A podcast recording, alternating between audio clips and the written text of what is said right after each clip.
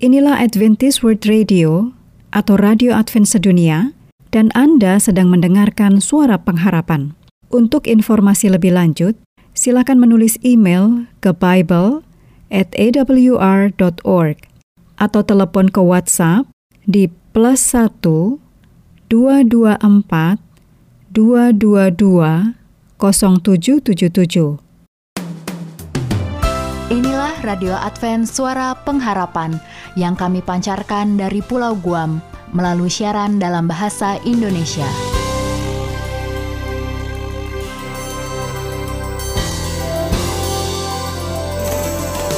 Salam sejahtera kami sampaikan kepada para pendengar kami di mana pun Anda berada. Selamat berjumpa kembali dengan kami, Radio Advent Suara Pengharapan. Dengan senang hati, kami akan menemani Anda melalui rangkaian acara yang telah kami persiapkan khusus bagi Anda sekeluarga. Harapan kami semoga siaran ini dapat bermanfaat dan menjadi berkat bagi Anda semuanya. Selamat mengikuti dan selamat mendengarkan. Tuhan memberkati.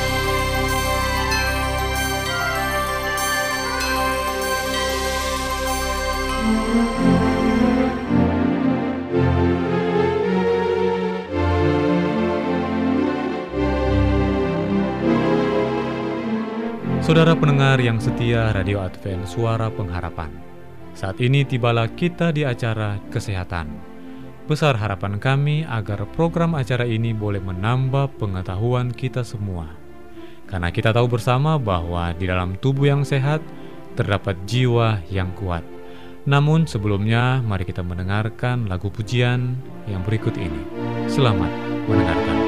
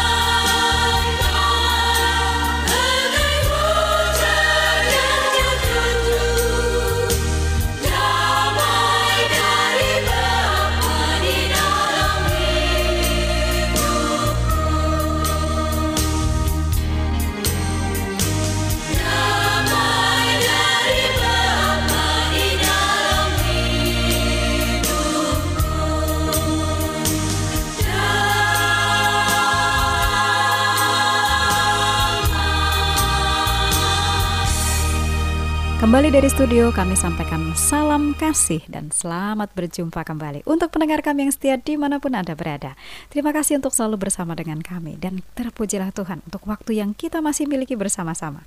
Saya Ayura yang bertugas dengan senang hati akan bersama dengan semua pendengar Melanjutkan topik bahasan kita ya. Dan sebagaimana yang sudah saya sampaikan sebelumnya Pertemuan ini kita akan lanjutkan informasi mengenai hipertensi. Pertemuan yang lalu saya sudah ingatkan kepada para pendengar untuk menilai tekanan darahnya termasuk yang mana nih? Normal, rendah, prehipertensi, hipertensi stadium 1 atau hipertensi yang stadium berbahaya ya. Jadi saya harap bahwa semua pendengar tekanan darahnya normal. Namun demikian, kalaupun ada yang rendah, kalaupun ada yang meningkat, Nah, diingat kembali bahwa ada cara-cara dalam pola hidup sehat yang menolong kita untuk mengembalikan tekanan darah ya. Jadi um, biasanya nih kalau seseorang memeriksakan tekanan darah lalu ditemukan tinggi, mungkin ini dialami juga ya oleh para pendengar kami. Dokter itu akan menyarankan supaya datang besok hari untuk diukur kembali ya. Kalau itu baru pertama kali kedapatan tekanan darahnya tinggi.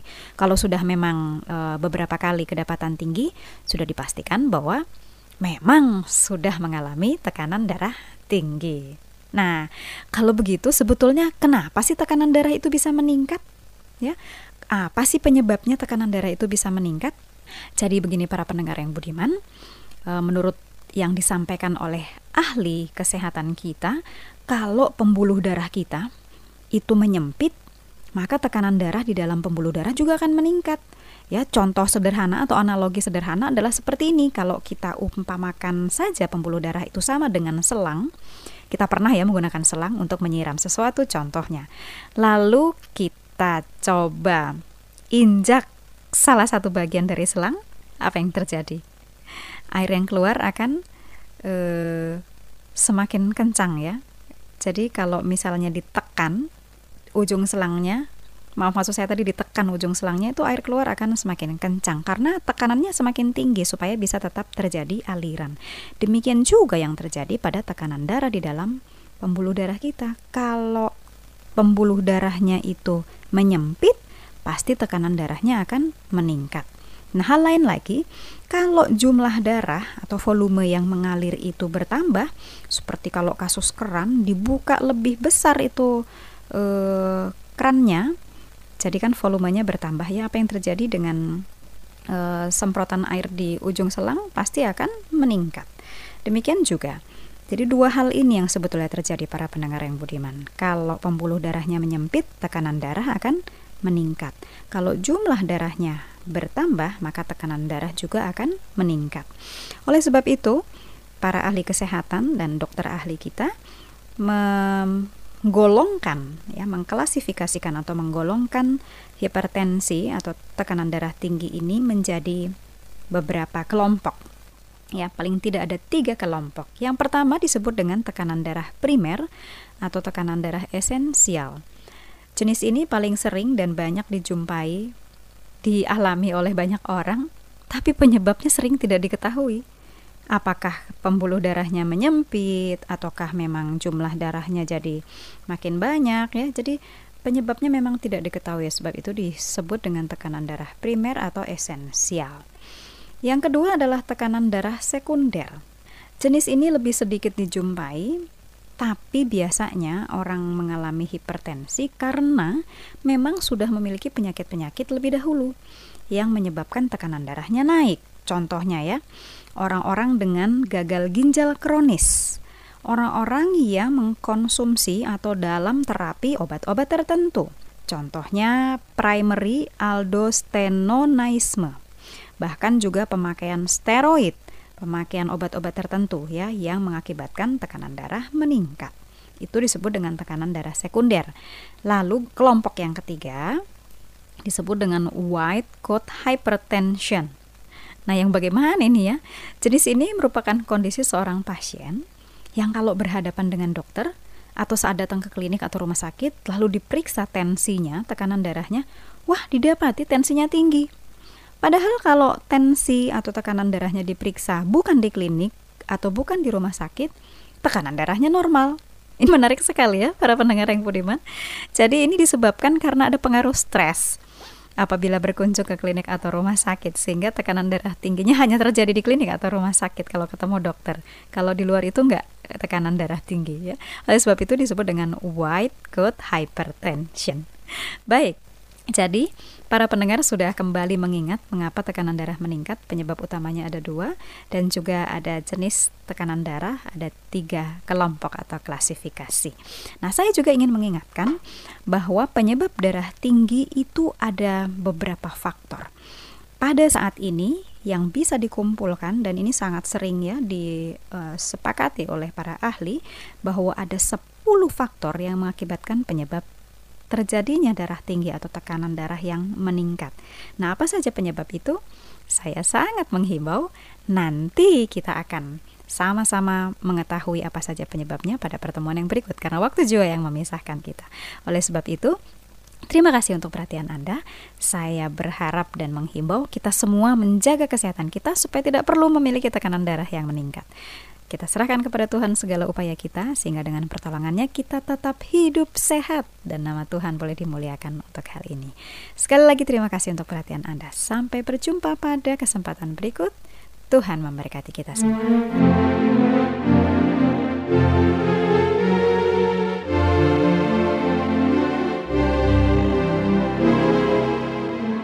Demikianlah kesehatan yang sudah kita ikuti bersama.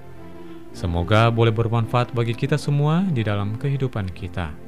Dan saat ini kita harus mengakhiri program acara ini, tetapi kita akan bertemu lagi minggu depan di gelombang dan waktu yang sama. Tuhan memberkati kita semua.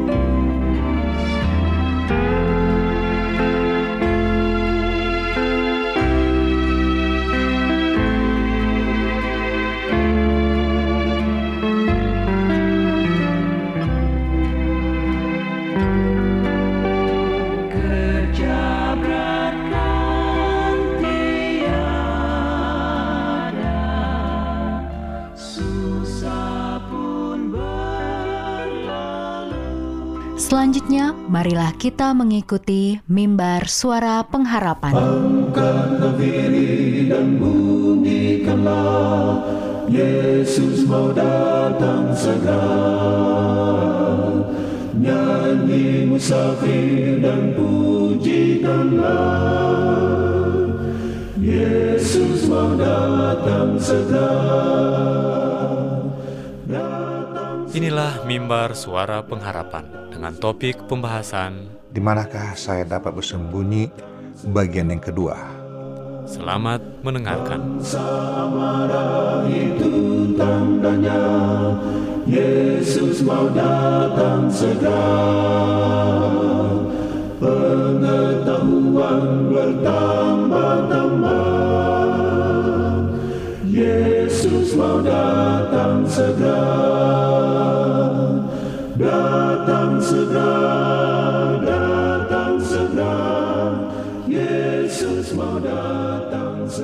Salam saudaraku yang diberkati Tuhan. Kita bersyukur atas segala berkat dan kasih karunia yang Tuhan sudah berikan bagi kita. Khususnya pada saat ini kita diberikan kesempatan untuk mendengarkan firman-Nya dalam acara Mimbar Suara Pengharapan bersama saya Pendeta Togar Simanjuntak.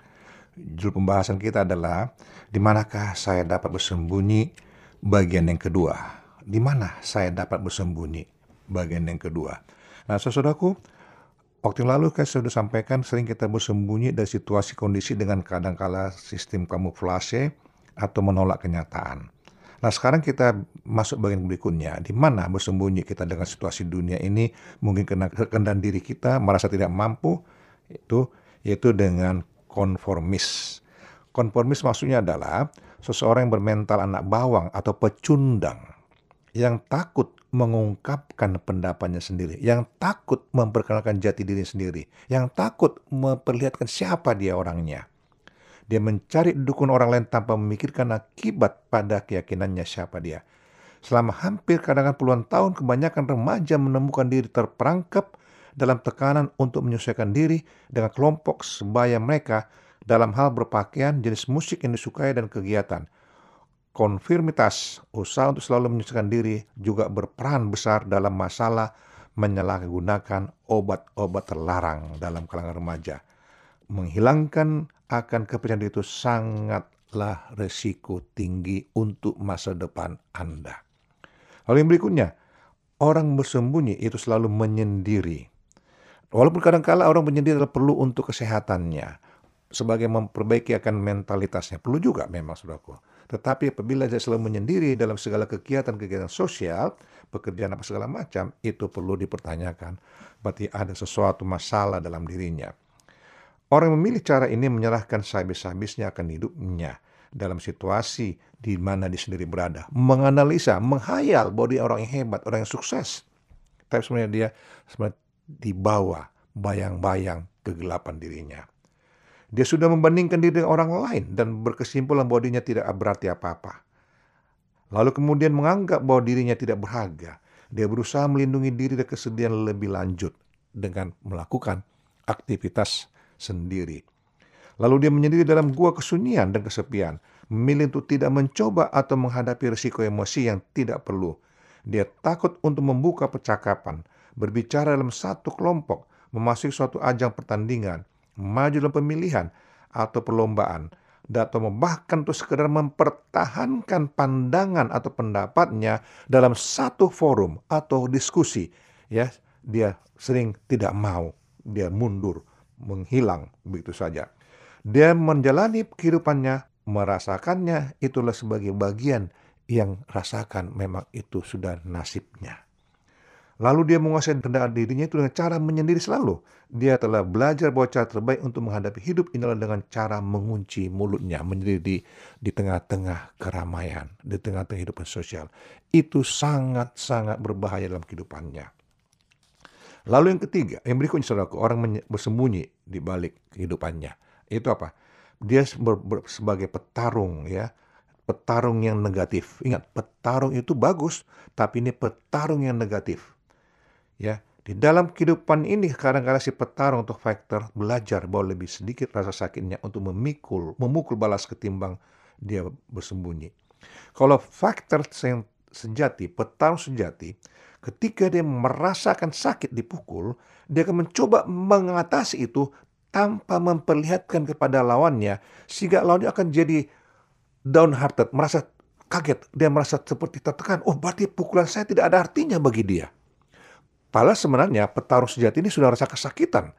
Ya, udah rasa berat kesakitan itu. Tapi dia bisa sembunyikan itu. Ya, dia sembunyikan itu. Lalu dia katakan uh, membuat suatu hal yang membuat ya bagaimana sih memenangkan petarung itu kalau petarung sejati. Tetapi kalau si petarung negatif ini yang orang yang tadi yang bersembunyi ini ya dia hanya rasa sakit sedikit aja dia langsung berteriak sakit-sakitnya. Ya, dia mungkin langsung bersembunyi. Dia langsung membalas balas-balasnya tanpa alasan yang jelas. Ya, membalas dendam. Dia bukannya memperhitungkan apakah balasan ini bagus atau tidak. Dia mau mengekspresikan dirinya luar biasa. Ini sangat berbahaya. Dengan sikap yang gampang tersinggung itu dia maju dan menantang orang lain semuanya yang datang dekat dia, yang memukulnya, yang menyakitinya. Soal-soal sepele bisa memicu amarahnya. Dia menyerang orang lain dengan kata-kata yang sengit. Dia keras, mudah marah. Seorang sengit yang selalu mencari gara-gara dengan siapa saja. Alangkah sedihnya orang yang menikah dengan mesin pertengkaran ini. Inilah kalau orang petarung negatif, saudaraku. Maka di dalam situasi apa pun, di rumah tangga, di lingkungan, di mana saja dia bekerja, si berada, maka dia adalah menjadi seorang troublemaker, pembuat masalah. Jadi inilah yang setia saudaraku. Orang-orang itu tadi pertama dia itu artinya kemudian kompromis, yaitu dia mengatakan mencoba untuk bermental seperti anak bawang atau uh, pecundang istilahnya, ya tidak yakin pada kemimpi, apa dirinya, lalu kemudian mencoba menyendiri, ya melindungi diri kesedihan lebih dalam, membuat satu keputusan dalam diri sendiri, menganalisis diri sendiri, semua sendiri sendiri, asli itu sendiri, soal itu yang terbaik, dan dia paling takut, tidak berani untuk mengungkapkan percakapan, bahkan untuk bertukar pikiran dan berdebat, apalagi berdebat, ya. Lalu yang petarung ini sangat lebih menyedihkan, saudaraku. Kalau orang petarung sejati, ketika dia pukul, dia sakit, dia membalas dengan hati-hati, perhitungan. Tapi kalau ini, dia kena pukul sedikit, ada sakit sedikit aja, dia langsung membalas habis-habis macam-macam dengan segala macam gaya dan cara. Seolah-olah dia hebat. ya. Dan ini adalah jadi orang yang sumber pertengkaran, ya, sumber masalah, ya, gampang tersinggung, lalu mudah sekali amarah terpicu, emosinya meledak-ledak, tetapi dia sebenarnya seorang yang uh, orang yang sangat rendah diri, orang yang tidak punya pengharapan masa depan yang baik, karena dia selalu tertekan dalam setiap langkah-langkah kehidupannya. Jadi saudaraku, di dalam kehidupan saudara, jangan pernah saudara bersembunyi dari realita hidup. Tapi hadapi itu penuh sukacita. Yakinkan saudara bahwa Tuhan ada selalu bersamamu, saudaraku. Selalu membela engkau, melindungi engkau. Nah, saat ini saudaraku, jika Anda mau didoakan ataupun ada hal mau ditanyakan, hubungilah kami, tim pelayanan mimbar suara pengharapan. Dengan penuh sukacita, kami akan selalu melayani saudara dan mendoakan saudara agar selalu tetap setia dalam Tuhan, sukses dalam kerjaan, dan bahagia bersama keluarga. Inilah doa dan harapan kami. Amin.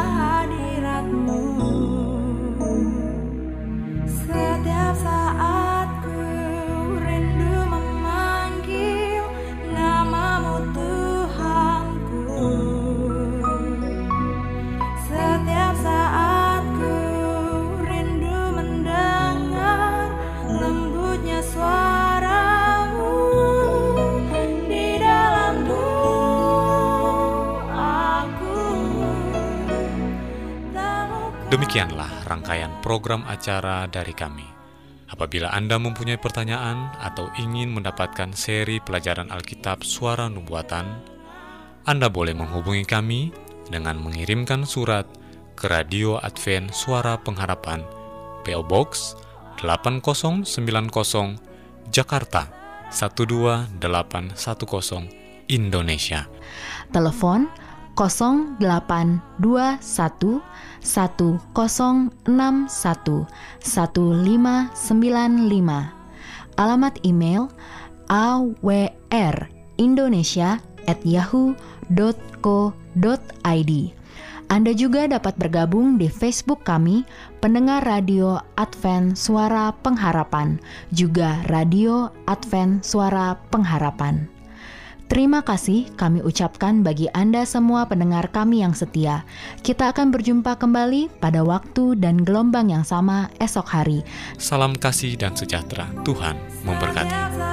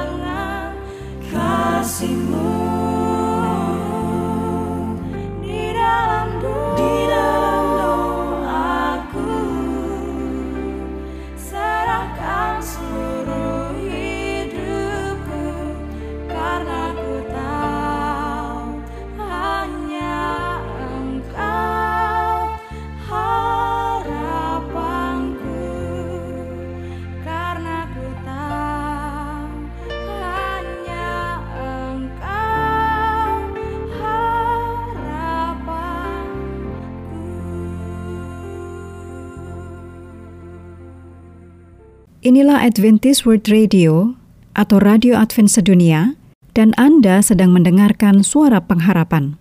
Untuk informasi lebih lanjut, silakan menulis email ke bible at awr.org atau telepon ke WhatsApp di plus 1 224 222 0777